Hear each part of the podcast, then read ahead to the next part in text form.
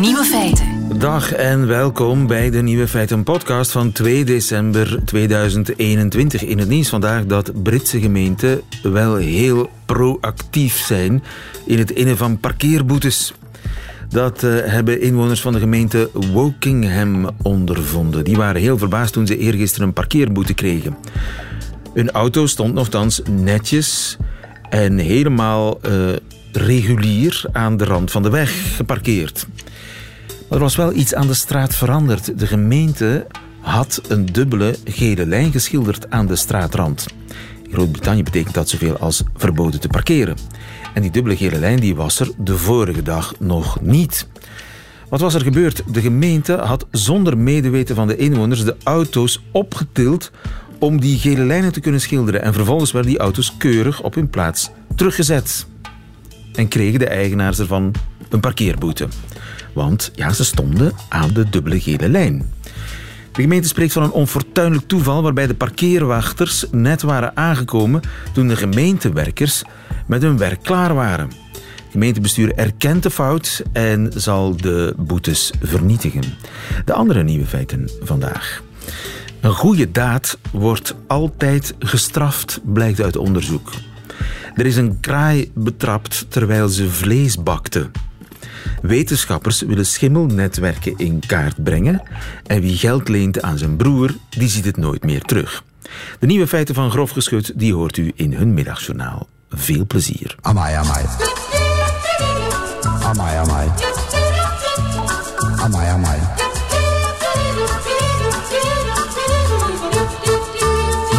Feiten. Het is misschien goed om in het achterhoofd te houden in deze tijden van goede daden en uh, warmste weken. Geen enkele goede daad blijft ongestraft, blijkt uit recent onderzoek. Tom Bekkers, goedemiddag. Goedemiddag, lieve. Tom Bekkers, professor cognitieve psychologie aan de Universiteit van Leuven. Het zijn collega's van jou in Londen die hebben onderzocht of altruïsme goed is voor je reputatie. Blijkt lang niet altijd. Ja, dat blijkt wat tegen te vallen, inderdaad. Uh, die onderzoekers die hebben eigenlijk een hele hoop studies rond coöperatief gedrag, zoals dat dan heet, onder de loep genomen. Um, wat voor studies zijn dat? Je moet je in, dat, dat zijn van die typische sociale dilemma-onderzoeken waar ze naar gekeken hebben. Um, beeld je bijvoorbeeld een situatie in waarbij vier mensen rond een tafel zitten. Die krijgen elk een beetje geld, pak 10 euro. En iedere deelnemer die kan kiezen om dat hele bedrag of een stuk ervan in de groepspot te steken. Te delen, daarna, voor iedereen, weg te geven ja, eigenlijk. Ja, en daarna krijgt dan iedereen 40% van wat er in de pot zit. Ja. Dus als iedereen 10 euro in die pot steekt, dan zit er in totaal 40 euro in die pot. Dan krijgt iedereen 16 euro terug. Een hele mooie winst voor iedereen. Oké. Okay. Maar als jij als enige niks in die pot steekt en de rest wel, dan zit er 30 euro in die pot en dan krijgt iedereen dus 12 euro. Tel die op bij die 10 euro die je voor jezelf had gehouden en je hebt 22 euro. Veel beter. Ja, dus je zou denken dat dat de outcast is, degene die niks voor de groep doet. Hij is toch degene met reputatieschade? Zou je denken, hè? En, en, want inderdaad, omgekeerd ook, stel dat jij als enige je geld in de pot steekt en de rest niet, dan krijg jij voor je 10 euro maar 4 euro terug. Ja. Uh, wat dus wel verklaart waarom je als individu eventueel voorzichtig zou zijn met je geld en, en niet te veel zou investeren. Maar tegelijkertijd, als groep doe je de beste zaken voor elk individu als iedereen investeert. En hoe meer, hoe beter. Ja. Um, maar je zou dus dan toch denken zou... dat die ene die wel geeft, ja, dat die enige dankbaarheid zou krijgen? Dat zou je denken, hè? Ja, en, maar dat blijkt dus niet per se zo te zijn. Ze hebben bijvoorbeeld onderzoekers aan de Universiteit van Nottingham hebben mensen dat ooit zo'n zo'n spel laten spelen. En dan na verschillende van die rondjes met dezelfde medespelers, uh, tien rondjes of zo, gaven ze um, deelnemers de kans om elkaar financieel te straffen, om boetes uit te delen als het ware. En, en wat blijkt? Mensen bestraffen dan inderdaad hun medespelers die zich uitgesproken egoïstisch gedragen hebben in die tien spelrondes. Um, maar opmerkelijk ook die deelnemers die telkens maximaal hadden bijgedragen aan de groepspot. Die, ook, aan, ook daaraan werden gretig boetes uitgedeeld. Ja, dus we houden daar niet van. Van die, nee. van die mensen die... Ja, en inderdaad, als ik... Sorry dat ik het zeg, maar als ik zo iemand... Ik ben zelf een fietser hè, ik, en een treinreiziger, absoluut. Maar als ik zo iemand zie met een, een sticker... Weer een auto minder op zijn fiets, dan denk ik... Aansteller. Ja, ja, ja, we houden blijkbaar niet van mensen die te goed zijn. Do gooder. Nee, ik, ik hou er niet van dat ze het zelf benadrukken. Ja, dat, dat lijkt er inderdaad um, in mee te spelen. Um, er zijn een aantal verschillende verklaringen voor dat fenomeen, voor waarom we zo negatief kijken naar mensen die te goed zijn als het ware. En één daarvan is dat die heilige boontjes, die doen ons er in vergelijking slecht uitzien. Aha. Ook al vinden wij onszelf best oké als het op onze inzet voor andere mensen aankomt, van zo'n mensen kan je de competitie wie de moreel meest hoogstaande is nooit winnen. Tenzij door ook zelf zoveel moeite te gaan doen voor de wereld ook een heilig boontje te worden. Maar goed, daar hebben we meestal geen zin in. En dus die mensen zijn slecht voor onze reputatie. Ze geven ons een slecht gevoel. Ja, zeker als die mensen heel erg uitpakken met hun goedheid, hun, hun morele hoogstaandheid erg zichtbaar maken, dan zien we eigenlijk onze eigen positie bedreigd worden. En dat gaan we dan de mensen nadragen. Wat moeten we daar nu uit concluderen? Nooit meer iets doen voor een ander? Nou, dat, dat zou ik niet zeggen. Um, we hebben op zich dus geen probleem met het feit dat mensen zo goed zijn. Dat is immers goed voor de groep en ook voor ons. We hebben eigenlijk vooral een probleem met het feit dat ze dat zo openlijk zijn omdat, het, omdat dat ons met een verplichting opzadelt om ook zo goed te zijn. En dat is vreselijk vermoeiend en onaangenaam. Want dan mag je geen vlees meer eten, dan mag je niet meer vliegen, geen foute moppen meer tappen, geen coronaregels overtreden. Allemaal dingen die echt schadelijk kunnen zijn voor de samenleving, maar wel leuk soms voor jezelf. Um, ja, dat zien we niet zitten. Ja, maar misschien moeten we onszelf ook uh, verbieden om dat verschrikkelijk te vinden. Misschien moeten we ook eens in de spiegel kijken en zeggen: ja, maar het feit dat ik uh, er niet tegen kan dat iemand anders uh, zo uitpakt met zijn goede daden, ja, ik kan dat ook bestrijden door zelf een goede daad te doen. Zeker. Uh, en ik denk, het is absoluut al goed om te beseffen dat die ergernis over de goede daden van anderen, dat die eigenlijk vooral met onze eigen onzekerheden te maken hebben. Um, we vermoeden daar snel allerlei verborgen motieven bij, bij die anderen. Ook als we er eigenlijk helemaal geen harde aanwijzingen voor hebben. En misschien kunnen we gewoon beter blij zijn dat die mensen zo investeren in de groep, in de samenleving, wat ons uiteindelijk allemaal ten goede komt. En natuurlijk, zo'n plaatje op die fiets, dat spreekt jou misschien aan op je eigen autorijgedrag, wat je oncomfortabel maakt. Maar degene die dat plaatje daar hangt, doet dat wellicht niet om er zelf beter uit te zien en zelfs niet om jou te veroordelen, maar gewoon om een boodschap te verspreiden waarvan hij of zij hoopt dat hij navolging krijgt. En daar is in wezen niks mis mee. Ja, ik blijf het trut te vinden. Eh, omgekeerd is het dus ook wel handig om te beseffen, als je zelf degene bent die goede daden stelt, om te beseffen dat die goeieheid en het etaleren met name van je morele hoogstaandheid, dat dat net zo makkelijk is als appreciatie kan opwekken.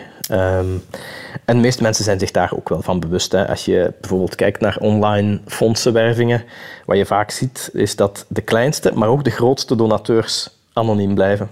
En terecht. In, in lijn met het Bijbelse adagium, laat uw rechterhand niet weten wat uw linkerhand doet. Doe uw goede werken in de luwte. Um, maar het is een slappe koord, want je eigen goede gedrag kan ook een voorbeeldfunctie hebben. Als je, er, als je ziet dat iemand anders erin slaagt om al zijn dagelijkse verplaatsingen met de fiets te doen, kan jou dat bijvoorbeeld inspireren om dat zelf ook te gaan proberen.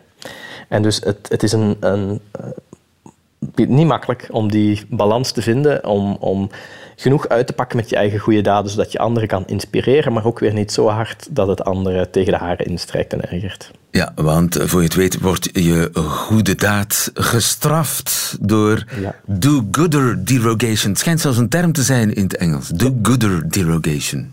Voilà, knopen in je oren voor de feestdagen. Tom Bekkers, dankjewel. Goedemiddag. Graag gedaan, dag lieve. Vraag het aan Rika.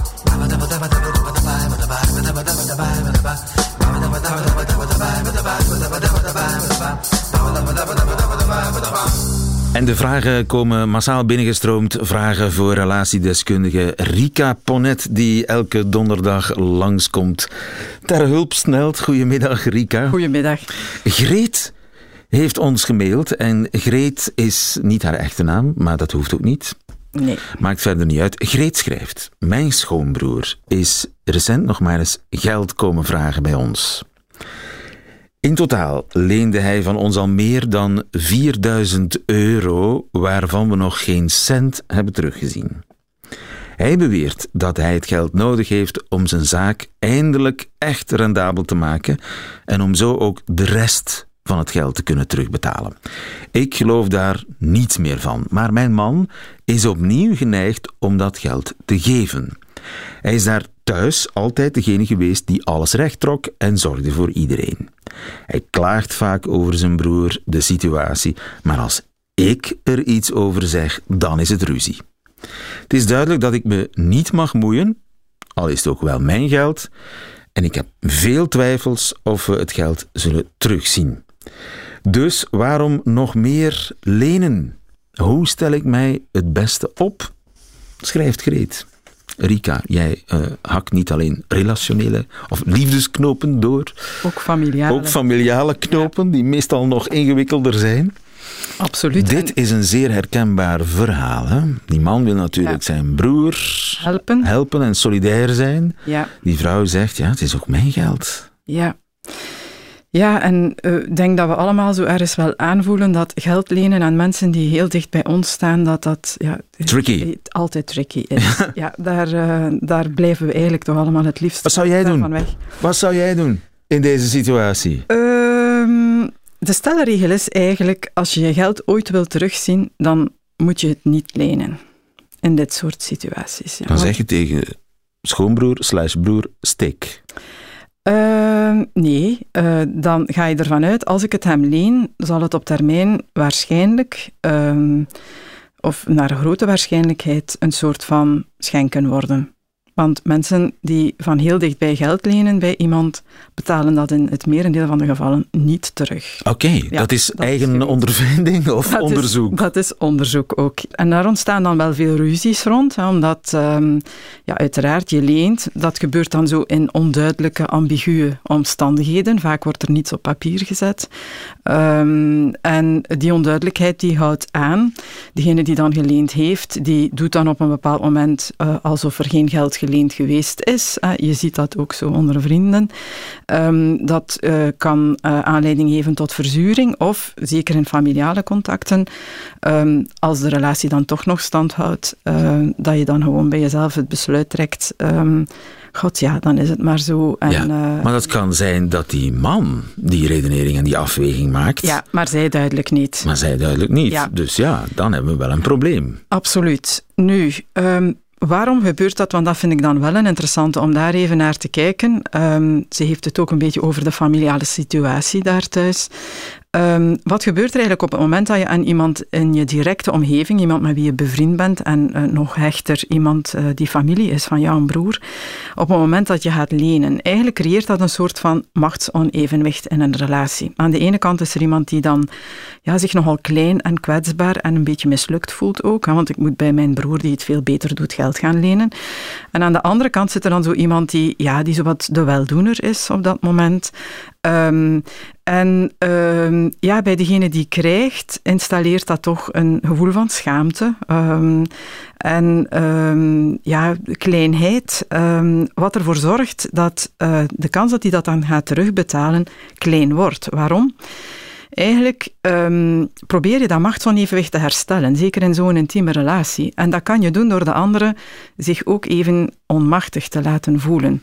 En wat is er eigenlijk? Oh. Ja, een onmachtige situatie is dat. Nee, hij krijgt het niet terug. Ja, hij krijgt het niet terug. Of vraag er nu maar eens naar. Of vraag er maar eens een aantal keren naar. Zo op die manier. Dus dan heb je ook even het gevoel, ik bungel hier aan het touwtje. Hè. Ik, uh, uh, ik ben hier ook eens afhankelijk van de anderen. En uh, dat klinkt niet zo mooi, maar dat is begrijpelijk. Omdat dat, een, dat is je broer. Omdat dat een vorm van machtsherstel is. dat zit daar zeker onder. En als ik dat dan hoor, ja, bon, uh, die thuissituatie was ook al een stuk zo. Hè. Uh, blijkbaar was de broer de Manitou, zoals ze dat dan bij ons zeggen. Hè. Degene die het daar allemaal een beetje um, in goede banen leidde. Um, ja, dan is dat vaak een verhaal van heel lang al. En uh, dan is dat geld lenen en dat niet terugbetalen. Ja, bijna een manier om, um, om ook die oude situatie zo wat recht te zetten. Of daar ja, beter en daar zit je dan als schoonzus Zus, tussen. Nu, wat een heel slecht idee is, is om uh, tegen je man dan te gaan zeggen: Ja, jouw broer, de klaploper, hij staat daar maar weer. Hè. Ik, uh, we, zijn, we doen het niet. Hè. Uh, je mag kiezen. Je mag kiezen, ja, ja. ik of de broer. Hè. Um, ja, ik denk uh, wat een goede manier is als je dan toch effectief ook zelf het geld nodig hebt. Want laat ons eerlijk zijn, 4000 euro is niet niets. Hè. Um, uh, aangeven, uh, niet de broer zwart maken, maar zeggen van kijk, misschien kunnen we allebei proberen om hem zo goed als mogelijk te helpen. Hè. Daar waar we kunnen, hem dat ook voorstellen. Maar geen geld meer te lenen. Ja. Ik vind het geen fijn idee. Eigenlijk vind jij het geen goed idee om geld te lenen? Nee. Sowieso. Nee, nee. Onder vrienden, familie. Onder vrienden, familie. Nee, ik denk het. Recipe for disaster. Absoluut. In het merendeel van de. Of, nogmaals, uh, als je echt voor jezelf hebt besloten, kijk, mijn zus komt geld vragen, ze heeft het echt nodig. Uh, um, ze zegt zelf dat het een soort van lening is. Begrijp ik ook, want het gewoon maar krijgen, dat is ook een klein gevoel dat je daarbij hebt. Ja. Dus op het moment dat je het geld geeft, gaat zij ervan uit, het is een lening. Uh, betaalt ze het zelf niet spontaan terug, ga bij jezelf dan eigenlijk al uh, verder met het idee, ik zal het waarschijnlijk niet terugkrijgen en eigenlijk hoef ik het ook niet terug te krijgen. En op termijn is het dan iets wat ik haar gegeven heb en we zijn oké. Okay. Ja. ja. Lastige kwestie sowieso. Ja. Moeilijk uh, in een handomdraai op te lossen, maar de kaarten liggen op die manier en de diverse scenario's liggen op die manier op tafel. Waarvoor dank. Absoluut. Graag gedaan. Rika, tot volgende week.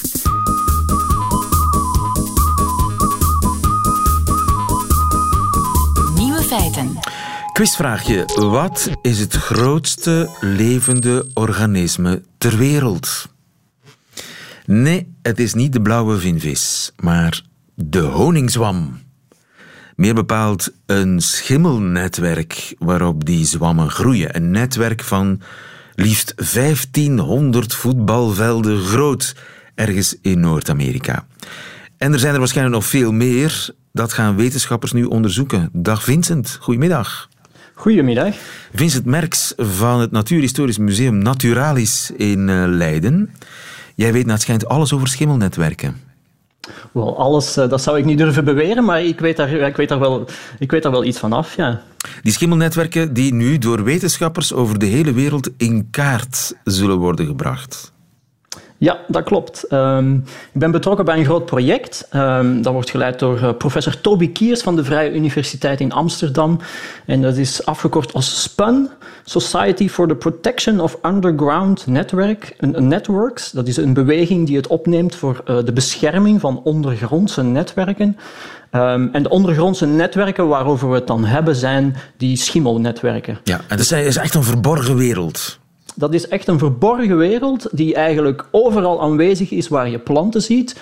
Uh, dus uh, enorm wijd verspreid, heel algemeen. 90% van alle plantensoorten maken gebruik van zo'n ondergronds netwerk. Um, en omdat, het, omdat we het niet kunnen zien, weten we er eigenlijk nog nauwelijks iets van af. We kunnen het niet zien, maar als we ze zouden kunnen zien, hoe zien ze eruit? Hoe moet ik me dat voorstellen, zo'n netwerk? Wel, schimmels die bestaan uit schimmeldraden. Dus dat zijn microscopisch fijne draadjes hè, die, die, die in de bodem groeien. En sommige van die draadjes, sommige van die schimmels, die groeien tot in plantenwortels. En die maken dus contact met die plantenwortels en uh, die geven planten nutriënten, voedingsstoffen die ze uit de bodem opnemen. In ruil daarvoor krijgen ze van die planten koolstof, suikers, die die planten aanmaken door fotosynthese, he, dus door, door uh, de reactie met het, met het licht. Dus er is een uitwisseling van voedingsstoffen um, tussen die schimmels die in de bodem leven en tussen planten. Dat kunnen bomen zijn, dat, kan ook, dat gebeurt ook in grasvelden, in heiden, eigenlijk in overal waar planten voorkomen ge gebeurt dit. en het is heel erg complex. In één theelepeltje bodem, in één theelepeltje aarde, daar kunnen 400 verschillende soorten schimmels in zitten. Dus, dus die netwerken die lopen door elkaar, die zijn met elkaar ja. verweven. Ja, ja, die linken die planten met elkaar. Uh, en dat zijn echt honderden, honderden schimmels. Dus als je door een bos loopt, hè, dan loop je eigenlijk over een heel erg complex netwerk hè, van honderden schimmels die verschillende bomen met elkaar verbinden. En zij geven die bomen eten, of in ieder geval zijn een Mhm. soort uh, interface tussen de aarde en die bomen. Ja, dat klopt.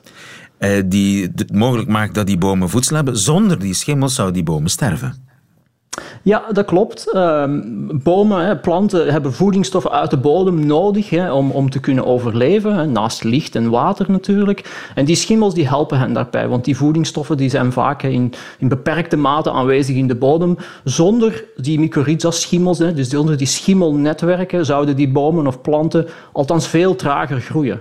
Um, en in de meeste gevallen uh, zouden ze worden zeg maar, weg, uh, weggeselecteerd door planten die dat wel kunnen. Dus daardoor hebben eigenlijk bijna alle planten uh, linken die aan die schimmelnetwerken. Ja. Het is een soort uh, netwerk tussen planten, tussen wortels van bomen.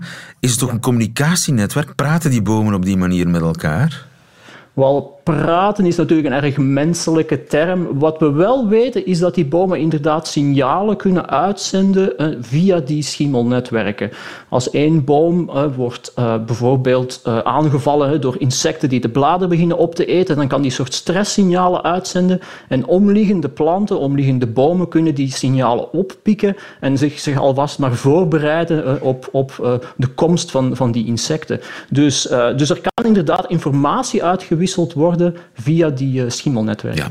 Wetenschappers gaan die nu in kaart brengen. Ja, ik bedoel, uh, veel geluk ermee als, als werkelijk overal waar planten groeien dat soort netwerken zitten, ja, dan zijn we over een jaar of duizend nog niet klaar. Toch? Dus inderdaad, ja, dat klopt, dat klopt. Het is een gigantische, gigantische opgave, maar wel echt enorm belangrijk, hè, want het is dus een enorme wereld hè, die we moeten ontdekken onder onze voeten. Uh, er zijn natuurlijk uh, moderne technieken die op basis van genetische informatie die, uh, die schimmels kunnen identificeren en in kaart brengen. En zo hebben we onder andere heel recent in, in Artis, in, in de dierentuin in Amsterdam, het schimmelnet netwerk in kaart gebracht. Um, ja, en dat blijkt ook hè, dat zelfs in zo'n park, toch een heel artificieel milieu, hè, dat daar ook honderden schimmels in de bodem zitten die al die, al die bomen met elkaar verbinden. Ja. En is de ene schimmel kwetsbaarder dan de andere? Moeten we de ene meer beschermen dan de ander? Dat is een goede vraag. Um, daar, weten we eigenlijk heel weinig van af. Uh, er zijn studies die inderdaad aantonen dat bijvoorbeeld met de depositie van stikstof, hè, dat sommige schimmels zijn er heel erg gevoelig aan en die zullen als eerste verdwijnen. En dat maakt dat dat netwerk heel veel armer wordt. Hè, dus veel minder soorten bevat en dus ook veel minder links hè, tussen de verschillende uh, planten. En dat maakt wellicht hè, dat dat ecosysteem daardoor veel kwetsbaarder wordt voor verandering. Maar we weten dat eigenlijk nog allemaal, dat is allemaal gissen.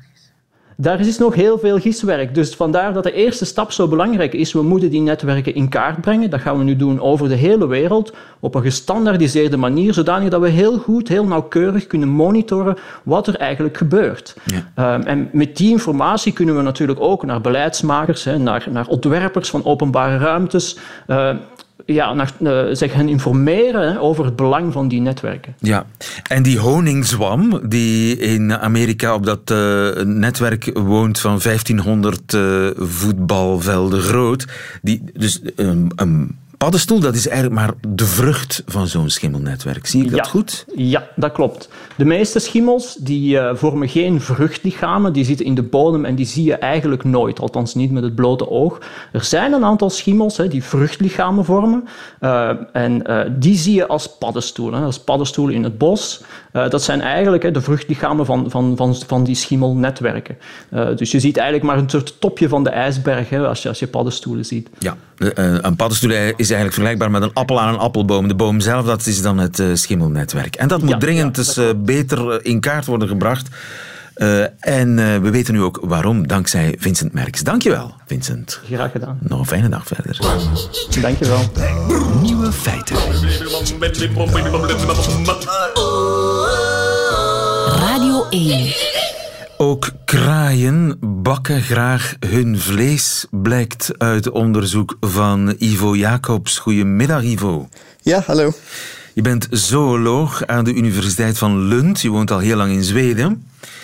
En, maar je hebt enige tijd je tenten opgeslagen bij een volière waarin kraaien wonen, heb ik me laten vertellen. Ja, uh, ja, dat klopt. Dat was, uh, dat was een aantal jaar geleden in uh, Duitsland. En die kraaien waar wij onderzoek naar deden, dat, zijn, dat is een speciale soort. Dat heet de Nieuw-Caledonische kraai. En Nieuw-Caledonië is een eilandengroep een stuk noordoosten van Australië. En die kraaien zijn heel interessant, want die gebruiken in het wild ook stokken als een soort van haakjes en gereedschap om allemaal insecten uit bomen en dergelijke te halen. Dus daar, daar deden we onderzoek naar. Ja, het zijn hele slimme beesten die gereedschap gebruiken. En ja. uh, zij zaten in een volière. En in die volière stond een kachel, begrijp ik. Uh, nee, geen kachel, gewoon normale uh, hittelampen. Dus die worden wel vaker gebruikt natuurlijk om dieren te houden. Dus dat zijn gewoon lampen die warm worden. Want Nieuw-Caledonië is tropisch en Zuid-Duitsland helaas niet. Dus we hebben toch wel wat hitte nodig. En wat we toen dus hebben gezien is dat die kraaien af en toe een stokje of een plastic rietje of iets dergelijks uh, oppakken en tegen, tegen die hittelamp duwen, waardoor het bijvoorbeeld ging smelten. En we denken dat is, uh, ja, dat vond gewoon, gewoon een heel leuk effect. Um, Om te spelen eigenlijk, gewoon speel, spelgedrag. Ja, ja dus precies. We zien een beetje als spelgedrag, maar mogelijk ook uh, dat ze weten dat die hittelamp gewoon te warm is om direct aan te raken. En dat ze daarom dus denken van oké, dan kan ik beter zo'n stokje gebruiken. Dus dat is precies wat wij natuurlijk ook doen met een houtkachel. Is dat we gaan niet met onze handen daarin. Wij gebruiken ook gewoon metalen stok bijvoorbeeld. Ja. Om, uh, om iets uit de kachel te halen. Ze zijn het aan het onderzoeken. Wat dat vuur, die warmte, wat dat is en wat ze daarmee zouden kunnen doen. Ja, ja dat... Uh, ja, dat is een beetje ons idee nu, maar het waren maar een aantal observaties. En ik was eigenlijk helemaal niet met deze vraagstukken bezig. Dus ik heb daar toen even snel wat foto's van gemaakt en even opgeschreven. En nu ben ik dus wel daarmee bezig en denk van, ah ja, uh, jammer, dat had ik beter, beter moeten uh, moeten beschrijven en filmen. Maar goed, het is nog altijd beter dan niks. Dus uh, hopelijk kan ik in de toekomst daar uh, meer mee aan de slag. En dus ze, ze, ze, deden eigenlijk precies wat kinderen doen met warmtebron. Ik herinner mij zo de, de uitgang van een kachel. Als dat warm is, wij legden daar soms dingen op om die te laten smelten en zo. Dat doen kraaien ook. Deden ze nog andere dingen? Um, ja, wat ik dus uh, ook heb gezien is dat eentje die had een aantal keer stukjes uh, rauw vlees opgepakt en bovenop die lamp gelegd. Dus dat ging helemaal, werd helemaal bruin en ook een beetje zwart, dus had ik meteen afgehaald.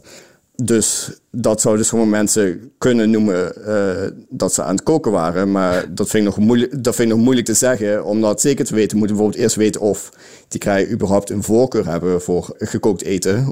In plaats van rauw. Belangrijk is natuurlijk, heeft die kraai dat gebakken vlees dan opgepeuzeld?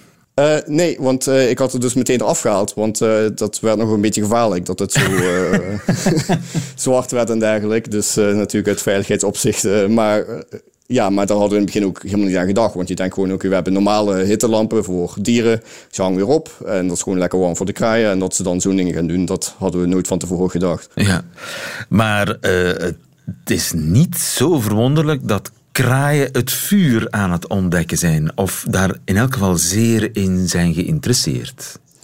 Um, een beetje ja en nee. Uh, we weten natuurlijk al lang dat uh, kraaien ook gewoon heel intelligent zijn en daar doen we ook veel onderzoek naar.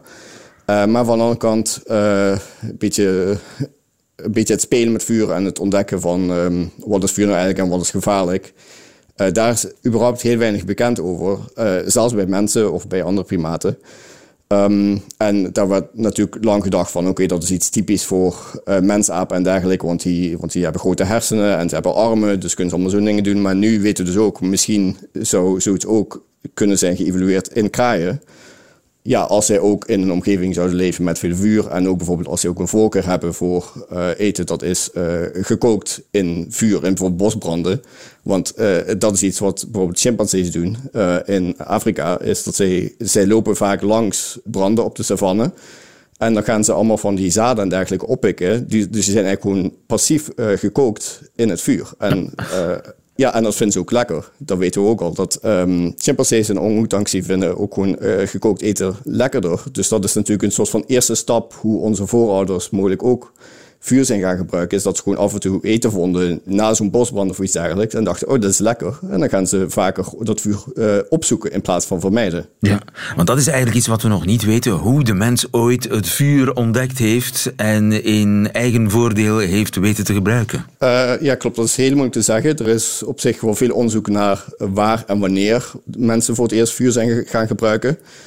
Uh, want dat uh, kan je bijvoorbeeld zien in uh, fossiele botten die verbrand zijn van, van dieren. En, um, en ook aan de aarde, hoe warm die is geweest en dergelijke.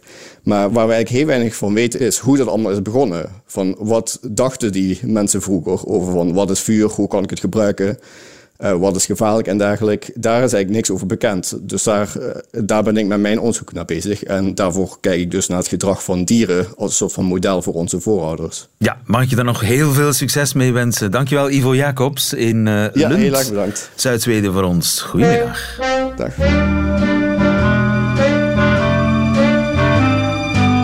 Radio, Radio 1. Nieuwe feiten. Voilà, dat waren ze, de nieuwe feiten van 2 december. Alleen nog die van grof geschud, het Vlaams-Nederlandse cabaretduo, krijgt u in hun middagjournaal. Nieuwe feiten. Middagjournaal. Beste luisteraar. Lander belde mij vanochtend heel vroeg wakker. Half negen. Heel, heel vroeg. Mirten, Mirten, vandaag is het internationale dag voor de afschaffing van slavernij. Daar moeten we iets mee doen. En ik dacht, tuurlijk, tuurlijk moeten wij daar iets mee doen. Dus ik zei, Lander, sleep die Vlaamse reet van je hierheen. Dan gaan wij heel snel iets heel slim, grappig, gevat, genuanceerd, activerend, zonder moralistisch te worden schrijven over de moderne slavernij. Dus ik kom aangereden en Mirte staat mij in de deuropening al op te wachten. Zo, zo, zo, meneertje. Met je elektrische autootje. Misschien wel beter voor het milieu, maar voor de mens? Ho maar. Weet jij wel dat er in jouw batterij kobalt zit? Dat is slavernij, hè vriend? En toen zei ik van, ja maar hallo mevrouwtje, wat, wat, wat wilde dat ik dan doe? In een vervuilende diesel- of benzineauto rijden? Even een industrietje steunen die verantwoordelijk is voor duizenden klimaatvluchtelingen, die dan weer slachtoffer worden van mensensmokkel? Slavernij? Toen hebben wij nog anderhalf uur lang elkaar de bek vol gescholden, vol woke weetjes over hoe de ander ontiegelijk veel bijdraagt aan de moderne slavernij. En toen dat een beetje bedaard was, zetten wij ons achter de microfoon. Klaar om de wereld te verlichten met onze visie, onze oplossingen en ons alternatief op moderne slavernij.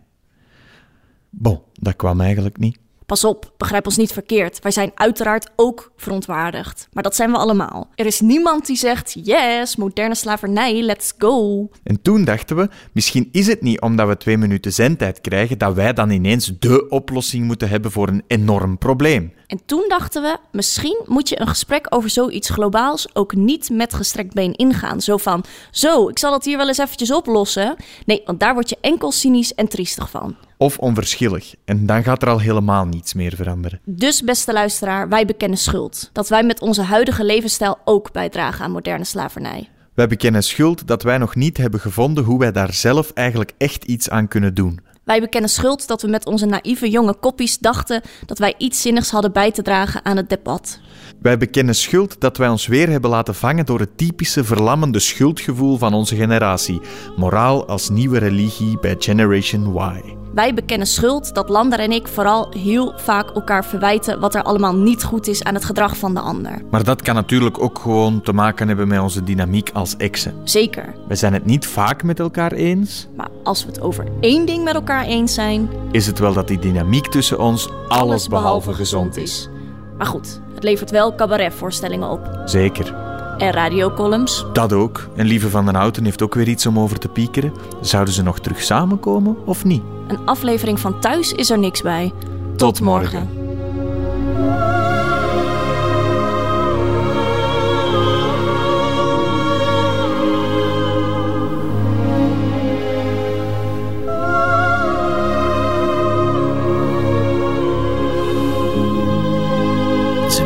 Spannend te maken. Grof geschud in het middagjournaal. Einde van deze podcast hoort u liever de volledige uitzending met de muziek erbij.